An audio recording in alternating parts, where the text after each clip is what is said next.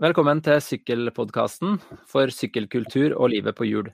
Sykkelpodkasten tar for seg ulike tema som jeg håper er interessant for deg som er interessert i sykkel, sykling, eller kanskje òg byutvikling og klima. Jeg heter Benjamin Myklebust Rød, og du finner podkasten på Spotify, Apple Podkast og sånne plasser hvor man finner podkast. Og abonner gjerne, eller gi en liten omtale eh, på podkasten, eller del med en venn. I dag har jeg med meg en gjest fra en eh, norsk sykkelprodusent. Og jeg tror kanskje at jeg kom i skade for tidligere, i en episode med Skien sykkelfabrikk, å si at de var de eneste sykkelprodusentene som var igjen i Norge. Men da må jeg kanskje ha glemt uh, dagens eh, gjest og sykkelprodusenten Podbike. Og det er kanskje ikke så rart, og det kan vi jo komme inn på senere, men først uh, skal jeg introdusere uh, Per Hassel Sørensen. Velkommen, Per. Tusen takk for at jeg fikk komme. Veldig bra. Um, jeg har jo fulgt med på Podbike uh, ganske lenge. Jeg har lagt inn en liten forhåndsbestilling òg for kanskje et par år siden. så, men, eh, men, jeg vil jo tro at det ikke er så mange som er så godt kjent med, med podbike. Så kan jo begynne kanskje først litt sånn med, med hvem, hvem, er, du, og hvorfor, eh, hvorfor uh, driver du podbike? Ja, jeg er jo en uh, ingeniør som har uh, jobbet en god del med produktutvikling mye i olja, som vi kaller det her i distriktet. Og, eh, og etter hvert så har det blitt uh, litt mer uh, grønt. Og de siste året så har det altså vært sykkel. Og dette vi holder på med, det er en sykkel designa for å erstatte bil. Så det betyr at den har fire hjul, og den har full værbeskyttelse. Så du sitter trygt inne i vår sykkel. Og, eh, og da har òg plass til et, eh, en passasjer, et barn opp til seks år. Nei, Det hele begynte jo med det at eh, jeg var ute og sykla vanlig sykkel. Jeg har alltid vært veldig interessert i kjøretøy, og, og sykkel er veldig gøy. Og den første arbeidsdagen i 2009 så var jeg på vei til jobb. Det var mørkt og kaldt januardag. Det er jo som regel det første dagen i året. Og um, iallfall den tidlige morgenen når vi skal på jobb. Så da kom det en bil imot, og jeg så eh, bilen, men den så ikke meg. Så plutselig så eh, svingte den eh, inn rett foran meg. Den skulle altså inn til sin venstre og parkere, og, og så smalt det, da. Og jeg sykla ikke fort, og bilen hogde jo inn bremsen i det øyeblikk de oppdaget plutselig at det var en syklist akkurat der de hadde tenkt å kjøre. Så, eh, så bilen sto stille og når jeg traff den, men jeg hadde en hastighet på 10-12 km i timen, og det var nok til å knuse kneet. Og jeg sklei over styret og over panseret på bilen, og med hodet først i en fortauskant. Og Det kunne vært riktig ille. Det kunne faktisk vært i slutten på historien, men heldigvis hadde jeg hjelm på. Så så det anbefaler jeg. Uh, hjelmen den uh, sprakk, men uh, heldigvis overlevde det som var innenfor. men jeg holdt på å knekke nakken, og, og jeg skada skulderen. Og som sagt så knuste jeg kneet, så nå har jeg sånn Bionic 9. Uh, mm. Iallfall med skruer og stål er det. Og etter det så ble jeg veldig redd for å sykle vanlig rett opp og ned-sykkel.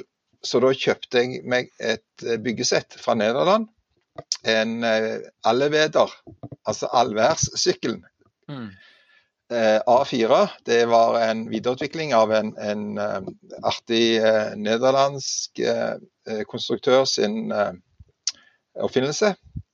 Og med den så begynte jeg å teste ut velomobiler. Ja. Og etter et par dager så fant jeg ut at her var det rom for forbedring. Og som profesjonell produktutvikler, så lagde jeg etter hvert en liste på ca. 36 punkt som må forbedres. Og så, eh, etter en del eh, omstendigheter og omveier og sånn, så eh, sitter vi nå i tolv år etterpå med noe som har fiksa de fleste av de 36 punktene. Ja, riktig. Så det, det, var på en måte et spørsmål jeg hadde nå. Hvor, hvor lang har den, den reisen vært fram til nå? Det, men det er tolv år siden den ulykka, da, eller? Ja, det var i, i 2009, så nå Ja. Mm. Nå er vi jo i februar uh, 2021, så det tar tid sånne ting. Men, men husk jo det at uh, det har vært lang prosess. Og, og opprinnelig så hadde jo jeg bare tenkt å kjøpe et byggesett og få meg en sykkel med rustning og tre hjul, som er ganske praktisk når det er glatt på veien. Eh, og ha den til meg sjøl. Og kanskje modde den med, med elassistanse. Og det var noe, noe, av det første jeg gjorde. Etter uke så fant jeg ut at dette her var jo helt forferdelig i oppoverbakke. Mm. Da satte jeg på en, en hjelpemotor. Og så eh, ble det jo motor nummer to, fordi at den første var jo eh, ikke så bra. Så jeg satte på eh, en litt annen variant, og så prøvde jeg forskjellige batterier. Og så fant jeg ut at jeg ble veldig blaut, eh, for det, den der allevederen den er eh, HV-eksponert. Så du får jo god kjøling, da. Men, men mm. eh, når du sykler i hagl og, og sånt, så, så er det upraktisk. Og I regnvær så er det jo for folk med, som meg som bruker briller, og ja, det gjør du òg, så, så, er det med regn og relativt lavt sete og motlys for biler og sånt, så det er et par ting der som ikke er optimalt. Men i store og hele så må vi si at det, det, det var en artig attrapp, den der eh, Allevederen. Jeg brukte den i syv år. Ja, såpass, ja. Ja da. Så nå, Eneste grunnen til at jeg ikke bruker den nå, det er jo det at eh, det er jo eh, Jeg er jo nødt til å teste de syklene vi holder på å lage sjøl. Mm. Så eh, det er jo Podbike Frikar. Frikar er den første modellen vår. Den, det er den som jeg bruker til å få jobb nå. Mm. Men for, for, mange så hadde jo kanskje en sykkelulykke og, og motbakkene med en sånn nederlandsk allvær, som kanskje allværet er litt annerledes i Nederland i Norge, enn i Norge, må man innrømme. Så hadde det kanskje endt med at man eh, kjøpte seg en, eh, en, bil eller noe sånt da, i stedet. Men, eh, men, du har tatt med deg altså eh, produktutviklingsskillsene fra oljen til inn i sykkel, sykkelverdenen. Eh, men eh, tenkte du at det skulle være en så lang reise da du starta, eller? Nei da. Det, det begynte med det at eh, jeg, jeg lagde en sykkel som var litt bedre eh, for meg sjøl. Og samtidig så var jeg jo involvert i, eh, i eh, Elbilforeningen her på Nord-Jæren. Og så eh, ble jeg òg involvert i Syklistenes Landsforening sitt lokale styre. Og så eh, har jeg alltid vært engasjert i miljøet og vært med i ja, Framtiden våre hender og Natur og Ungdom og og godt, godt eh, trinn og der. Eh, og da var det klart at eh, når du, når, du, begynner å kikke på personlige transportmidler, og den belastningen det utgjør på samfunnet, så er det en kjempefordel hvis alle sykler. Istedenfor å bruke bil når de skal eh, ja, rundt i, i tettbygd strøk, kort vei. Eh, og de aller fleste bilturer er jo eh, Jeg tror det var 80 som er mindre enn 15 km eller 12 km. Eller noe sånt. Eh, det er helt klart at eh, vi bruker for lite sykkel og for mye bil. Og nå, mm. altså Folk i Norge har jo satsa stort på elbil, og det er jo en stor eh, fordel framfor vanlig eh, fossilbil. Men det er fortsatt et stor ressursforbruk som går med til å lage en bil. Både i form av materialer og energi. Og I tillegg så tar han jo plass. Både under bruk og ikke minst parkering. Dagens biler er jo i snitt parkert er det 95% av tida. Så det er jo ikke akkurat den smarteste investeringen heller. Hvis ikke du liker å ha biler på utstilling. Det er jo de som gjør det òg, altså. Mm. Eh, og så er det jo det at eh, en bil er jo stor og tung. Så den sliter mye mer på eh, infrastruktur. Eh, og den eh, har òg utslipp, både i form av eksos på de med forbrenningsmotor. Men elbiler har jo òg ganske stort partikkelbidrag. Altså PM25 og PM10, verdiene på en elbil de er veldig høye. Jeg tror det er ca. 80% av en, en uh, fossilbil. Og da tenker du på sånn slitasje mot vei og, og Ja, og så det at de virvler opp støv òg. Mm. Når du har svært drog av en bil på halvannen tonn, kanskje to tonn, så, så, er det klart at den sliter på veien. Og, og det er en slitasje på gummi. Um, og den, dagens bildekk det er jo det er jo plast, altså. Det er jo polymerer som, som havner ut i naturen og til slutt i havet. Og jeg mener jo det Jeg leser en plass at eh, bildekk de utgjør vel eh, ca. mellom 20 og 40% av all mikroplast i havet. Det kommer fra bildekk. Mm.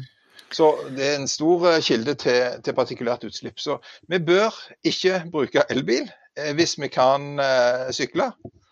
Og hvis vi ikke kan sykle av vanlig tohjulssykkel, så holder vi på å lage altså et alternativ med dobbelt så mange hjul og dobbelt så mange sitteplasser.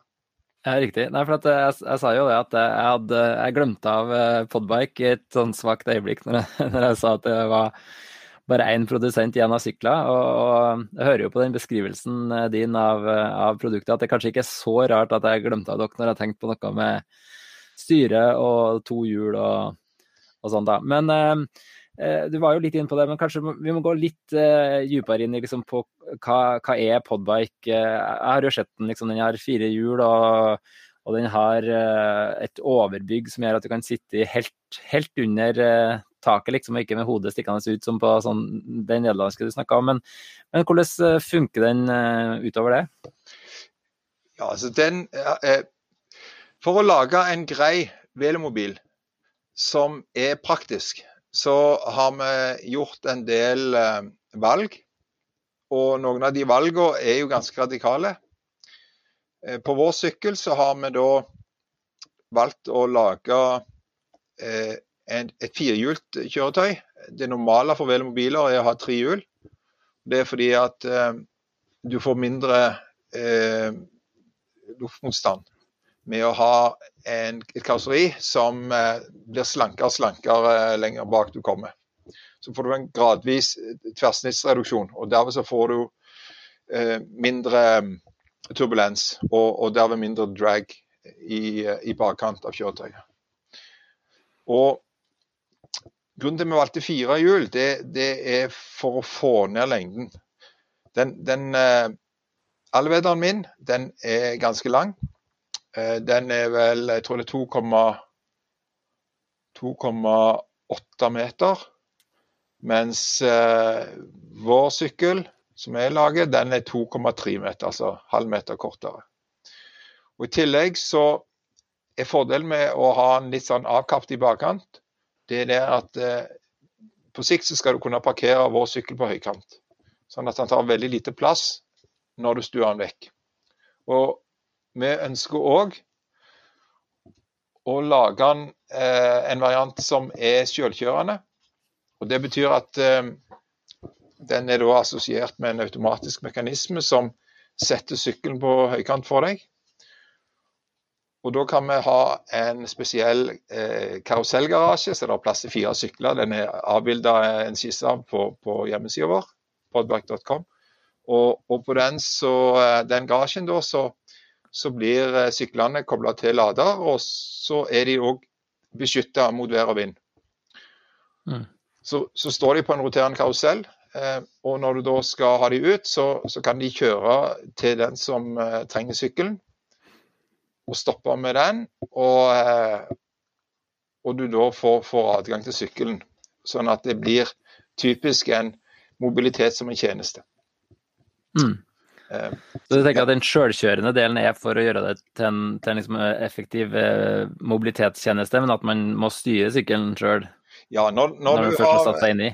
Ja, når, den vil kun være sjølkjørende i, eh, tom tilstand, altså uten folk i. Iallfall sånn som vi tenker det, for det har en del med lover og regler å gjøre. Og, eh, og vi har eh, begrensa ressurser til å ta på seg full eh, Eh, UN-ECE-kvalifisert uh, selvkjørende kjøretøy og lager alt i henhold til ISO 26262, som er altså autonomi, uh, sikkerhetskrav. Det er masse ting som du utløser som gjør at budsjettet vårt eh, ikke strekker til. Ja, det, det skjønner jeg. Ok, men, eh, men eh, du, du, nevnte jo lading, og, og, i disse dager så går det vel without saying, som det heter, at, at det er en elektrisk eller en elsykkel. da. Men, men, sånn som jeg har forstått det, så er det en, det er en spesiell drivlinje som er litt sånn uh, hybrid? på en måte? Ja, det, det, er jo en av de kompromissene vi har gjort for å, å komme i mål med en praktisk velomobil som samtidig er veldig eh, lite eh, servicekrevende. Altså du, du, skal kunne sykle med denne sykkelen eh, veldig lenge mellom hver service. Og alle som har hatt en litt finslig, nydelig racersykkel og hatt den med ut eh, på landeveien, og plutselig så er det salt, og så er det snøslaps, og så er det eh, Ja. Da kommer du hjem, og så spyler du sykkelen, og så smører du den opp. Og det går veldig fint, eh, så lenge du bruker den sånn på kosetur av og til. Men skal du ha en sykkel som primærtransportmiddel som du bruker hver dag, fem, seks, sju dager i uka, året rundt, så går ikke det. Du kan ikke ha en sykkel som krever kanskje en halv time renhold etter hver tur. Og, og, og oppsmøring av kjede og, og deraljør og alt. Det er rett og slett for tidkrevende. Men det er veldig gøy når du har en ordentlig sykkel. Altså. Det, det, er ikke det. Jeg, jeg syns det er helt stas å holde på sånn, men jeg kom bare på en fyr som jeg, jeg, snakket med en gang. og Han demonterte sykkelen sin og spredde den ut over dobbeltsenga. Men jeg hadde glemt å sette den sammen igjen, så det var ikke helt vellykka. Det var en fin historie. Men det var en veldig ren og fin sykkel. Det var det. Det var en sjekk for å se at alt var, alt var rent nok. Det var at han la den ut på, på, på senga. Riktig, og så ble det en sjekk på om ekteskapet fungerte? Ja, det, det ble litt, det ble litt pressa forhold der. Uh, men, men, OK. Vår sykkel den er beregnet uh, omtrent som en uh, Kanskje ikke som en 2020-bil, men kanskje som en 1970-bil. Alle som har hatt en Amazoni fra 1970, eller iallfall en PV fra 1965, de vet det at det var en del smørepunkter du skulle gjennom. Og du smurte den hver 5000 km. PV-en iallfall så var det sånn. Um, så jeg vil si det at hver 5000 km så må du ta en runde på sykkelen. Mm. Men for folk flest så betyr det service kanskje bare en gang i året. Men det er helt klart at sykler du i saltlake, eh, sånn som vi gjør her altså Syklene våre er jo helt hvite. Mm. Eh, det er ganske barskt. Eh, og eh, nå må vi ikke legge skjul på det at nå tester vi syklene våre for en såkalt akselerert stresstest. Så vi har jo bedt testsjåførene våre å være ekstra slemme med dem. Men, men, jeg blir litt dårlig innvendig når jeg ser de, kommer inn her på service. og det, det er, det, det, det er grimme greier, altså. Så eh, det kan være at de 5000 der at vi kanskje må rett og slett si at vi må kjøre en service. Um, alltid kjøre en service. Etter du har kjørt uh, en vinter med salt, så må du alltid spyle den og smøre opp og sånt. Uh, og så mm. må du ta uh, kanskje en, en, en grei klargjøringsservice til høsten. Så kanskje to i løpet av et år. Mm. Men det er ingen kjeder, for vi har et seriehybrid. Du trør på en pedalgenerator som er, hvor det er en enkel utveksling, og det er et belte. Et synkronbelte med tenner, men, men det er én del. Og det beltet det mener vi at vi har eller skal jeg forklare å få til vare ca. 50 000 km. Så hver tiende år skal du skifte belte. Mm. Uh, så det betyr at uh, når du trør, så har du, har du ikke noe fysisk kobling til, til hjulene? Nei, det går via ledning. Vi, mm. vi konverterer ikke den kinetiske roterende bevegelsen fra pedalene over til strekk i et kjede, som går over til en roterende bevegelse igjen, som går ut i hjulet. Vi konverterer den roterende bevegelsen fra pedalene over til elektrisk energi, som går gjennom en fleksibel kabel, som så går til det ene bakhjulet. Og så har vi det andre bakhjulet. Der har vi òg en eh, motor som er drevet av batteri. Mm. Sånn at du har to bakhjulsdrevne eh, motorer, da. Eller to bakhjulsdrevne hjul med hver sin motor. Og så er, er da eh, energitilførselen den er da elektrisk. Eller går via, via kabel. Mm. Sånn at vi har en, en dobbeltkonvertering.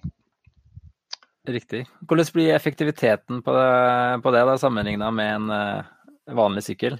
Ja, den blir helt ræva. ja, Ja, men det er greit så lenge eh, man har batteri, eller? Den blir 50-60 men, men OK. Vi har lagd Ja, ok. sykkelen her ikke for Lance Armstrong, med eller uten dop, Mm. men vi har lagd sykkel for normale dødelige folk.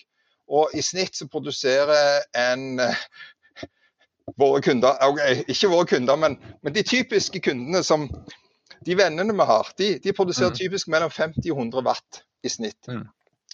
Og, og eh, hvis vi da har en virkningsgrad på 50 worst case, så betyr det at eh, vi må bidra med opptil 50 watt. Og Det Mm. betyr at på en time så må vi bidra med 50 wattimer. Og Mm. 50 wattimer, det er altså fire stykk eh, sånne små 18650 litiumceller. Mm. Som veier da 20 gram stykket, eller 30 gram stykket. Så ved hjelp av veldig få ekstra gram, så kan vi lage ei drivlinje som har mye mindre krav til vedlikehold. Og som gjør det veldig enkelt for oss å justere avstand mellom sete og pedaler, fordi at vi flytter hele pedalgeneratoren. Siden det er bevegelige kabler som, Mm. som overfører energien, og ikke masse kjede, så, så går det greit å justere den fra kroppslengde på 150 cm opp til 200 cm. Mm. Og samtidig da, så har vi òg en eh, løsning som eh, gjør at vi kan levere en pedalgenerator og to motorer til samme prisen som vi hadde betalt inn til oss for en eneste midtmotor. Ja, Men med gir og masse fancy og masse støypte deler. Og spesiallagt for elsykkel. Men eh, totalt sett så blir det billigere med vår løsning. Mm. Iallfall når du skal drive to, mot- to hjul, da. Ja. Betyr det at uh, når, når jeg trør, så, så vil uh, på en måte den, den andre uh, motoren drevet av et batteri eh, aldri ta i hardere enn det jeg gjør? Nei, det er traction-kontroll.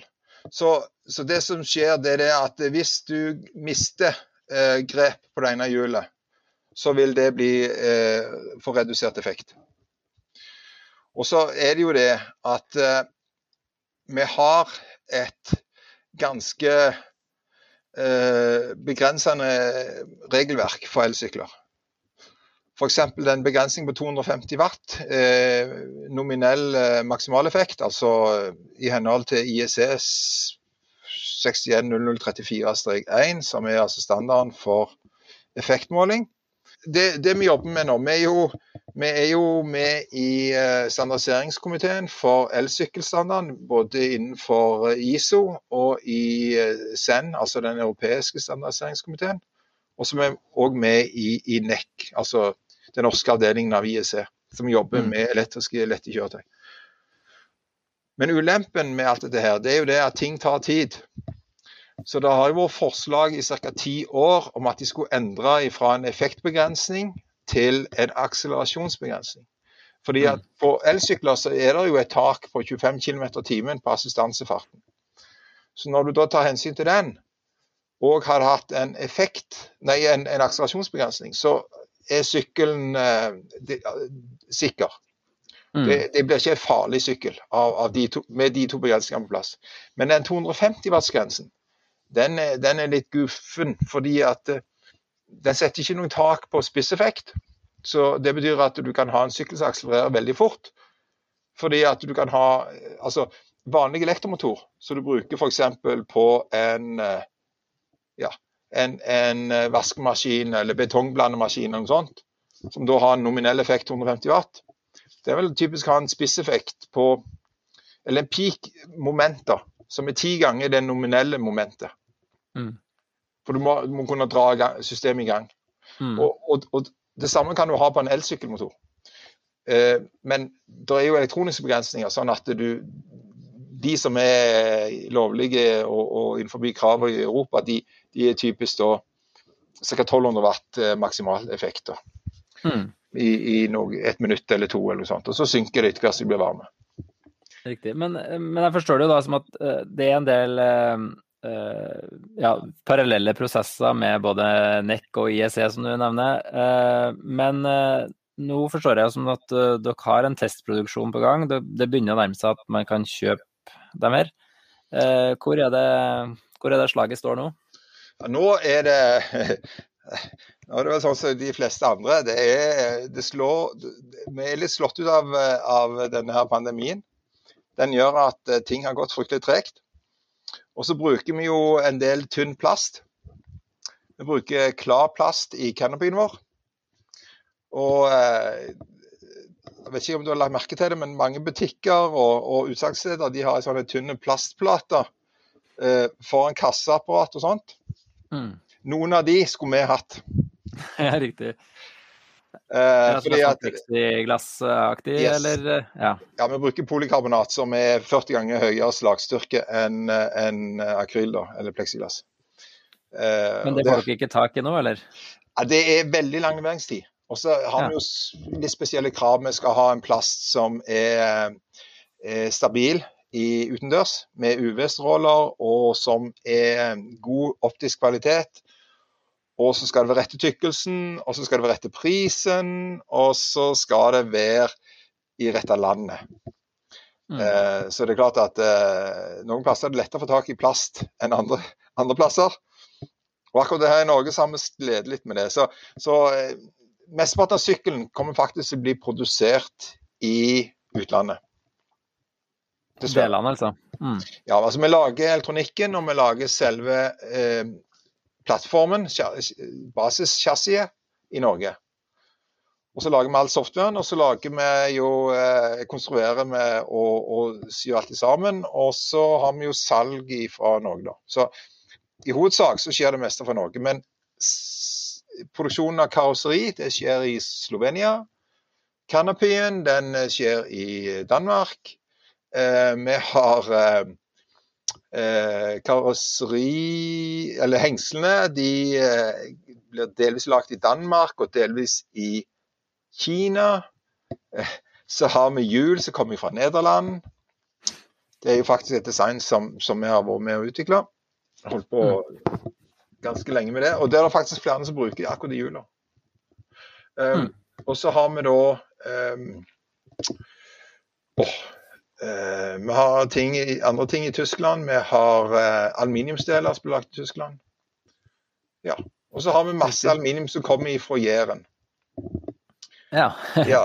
Så, men eh, jeg så jo at eh, nylig så kom dere ut med pris, eh, i hvert fall prisantydninger, da. Eh, og da var det litt sånn med og, og uten forskjellig utstyr. Og det kan- jo kanskje være en anledning til å fortelle litt om hva, hva det her koster. Og, og det her ekstrautstyret, eller utstyret, forteller jo litt om hva, hva folk kan forvente. ja. Altså, vi, vi jo Vi var ganske tøffe i trynet og sa at du skulle få sykkelen for 50 000. Um, og det sa vi vel for fem år siden, fire år siden, når vi begynte å jobbe med Podbike, uh, at det var målet. Og nå har vi satt opp en pris på Det blir drøyt 55 000 pluss moms og transport for en ganske godt bestykka sykkel. Da får du en sykkel med mesteparten av det tilleggsutstyret du ellers måtte betalt ekstra for. Da får du altså med komplett med lys. To lys foran, to lys bak, blinklys. Du får bremselys, du får ryggelys, du får uh, nær- og fjernlys. Og så kommer der uh, i den eh, altså helt skrapt versjon, studentversjonen. Det, det, det, er ikke GTI, så den er uten gullteppe. Men, men den uh, Og den er òg uten vifte. Og du får bare ett sidespeil. Eh, og så eh, i den som er ca. 5000 dyrere, så er det eh, gullteppe, det er to sidespeil, det er eh, Nevnte jeg vifta? Ja, det gjorde det. Det jeg, ja. ja den er med. Og så er det Hva- og, og spyler. Mm. Og, og vifte det trenger man jo for at man sitter inni en eh, lukka boks, da, antar jeg. Ja, det er, det er tre grunner til at du trenger vifte. Den ene er det at om sommeren så kan det bli varmt. så du ønsker å ha litt ekstra kjøling. Om vinteren så kan det bli litt eh, kondens, så du ønsker Så du ønsker en eh, Å få doggen unna frontruta. Og så er det òg det at eh, den vifta der, den, den, er grei å ha hvis, hvis du trør på litt ekstra. For du som motor, du har en veldig dårlig virkningsgrad. Ca. 25 mm. Så når du trør med 50 watt, eller la oss si du klarer å trø med 100 watt på, på, pedalene, så produserer du 300 watt med varme. Mm. Og du har lyst til å bli kvitt det. Så, så, da er det greit å ha ei vifte som kan blåse litt mer enn den vanlige eh, passive ventilasjonen. Det er jo mm. ganske stort luftinntak. Den, hvis du ser på snuten på sykkelen vår, så, så har den en, en, sånn kon foran.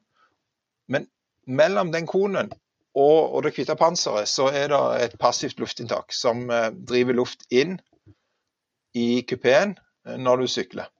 Men det er klart at når du stopper, så, så eh, er det ikke noen sirkulasjon der veien. Mm. Da er det greit med vifte. Riktig.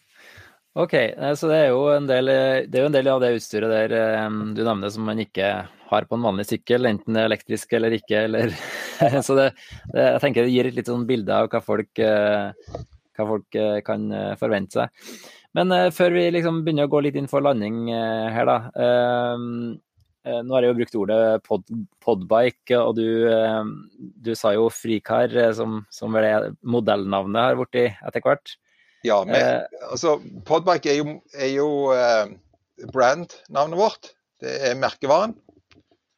Omtrent sånn som et bilmerke. Mm. Istedenfor å kalle oss eh, Porsche, så heter vi altså Podbike. Mm. For Porsche var opptatt. Og så, og så, har vi da Frikar. Det er navnet på den første sykkelmodellen vår. Mm. Riktig. Og, og, hvor, det, hvor tenker du at um, den her passer inn da, i, i sykkelmiksen? Hvor er det, hva slags uh, bruksområder eller hva slags kunder er det du ser for deg at uh, Podbike skal få i, i det første liksom, innledende rundene? Ja, de, vi har jo ca. 2700 forhåndsbestillinger. Og, eh, og, de fleste der, de er, de er nok uh, litt sånn som meg. Litt, litt eldre, eldre, ingeniører som, som, liker litt kjekke tippedupper. Uh, og det, det, er ikke til å, å skjule at det er litt nerdegreier i starten. Men målet vårt er jo å være et substitutt for bil når den vanlige sykkelen ikke strekker til av en eller annen grunn. Eh, når det er sagt, så, er det det at vi, vi ønsker jo at folk eh, i grunnen bør bruke en tohjulssykkel, for den er enklere, det er færre ting som går stykker og alt sånt. Men det er mange som ikke bruker tohjulte sykler av forskjellige grunner, og istedenfor å bruke bil. Det er de som er kundegruppen vår. Så, mm. Så, hvis du er fornøyd med din tohjuling, så fortsett å bruke den. Da er ikke du i, eh, da er ikke du eh, i, i kundegruppen vår. Det er den dagen du setter tohjuling ifra deg pga. Av, av noe som vi har en løsning på. Mm.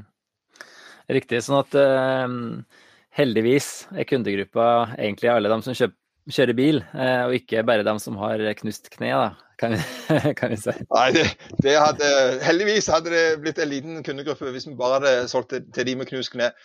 Mm. Uh, så uh, altså 95% eller det, 92 er det vel ca. i Europa som ikke bruker sykkel til mm. daglig transport.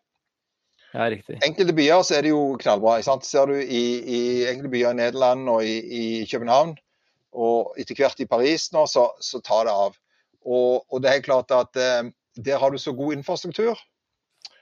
Og eh, det, jeg tror ikke det er der eh, Podberg kommer til å ta mest av. Men det er de områdene innimellom. Og det er ganske mange områder innimellom. Hvor infrastrukturen er litt for dårlig.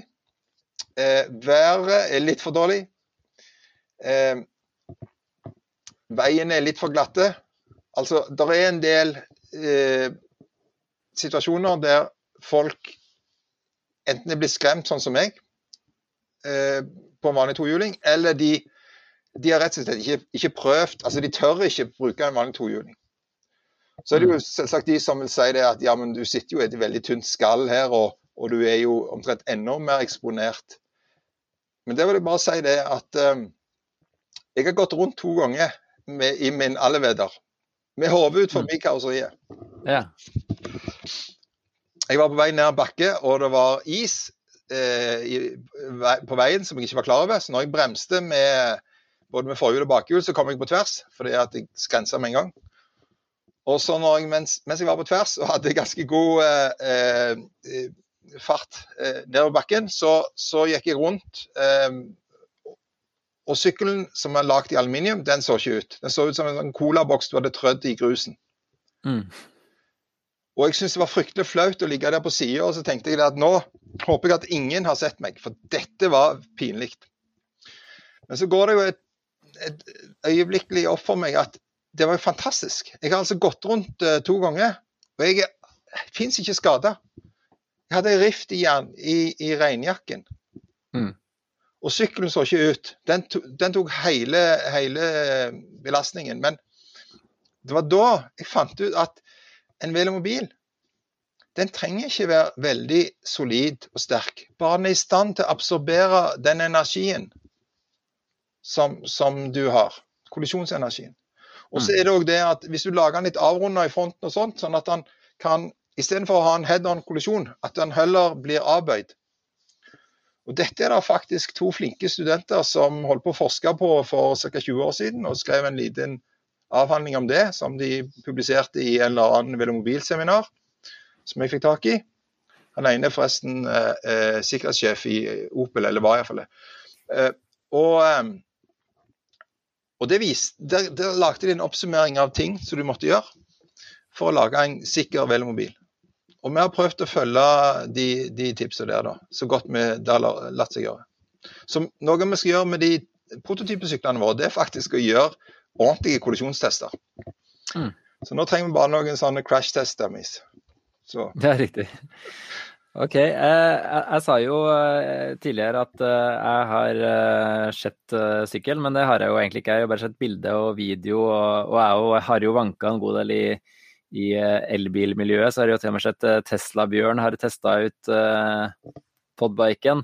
Men uh, når, når, tenker du at uh, ja, Hvis vi ser bort fra korona og antar at det snart er på hell, når tenker du at vi kommer til å få se en sånn sykkel litt rundt omkring i Norge?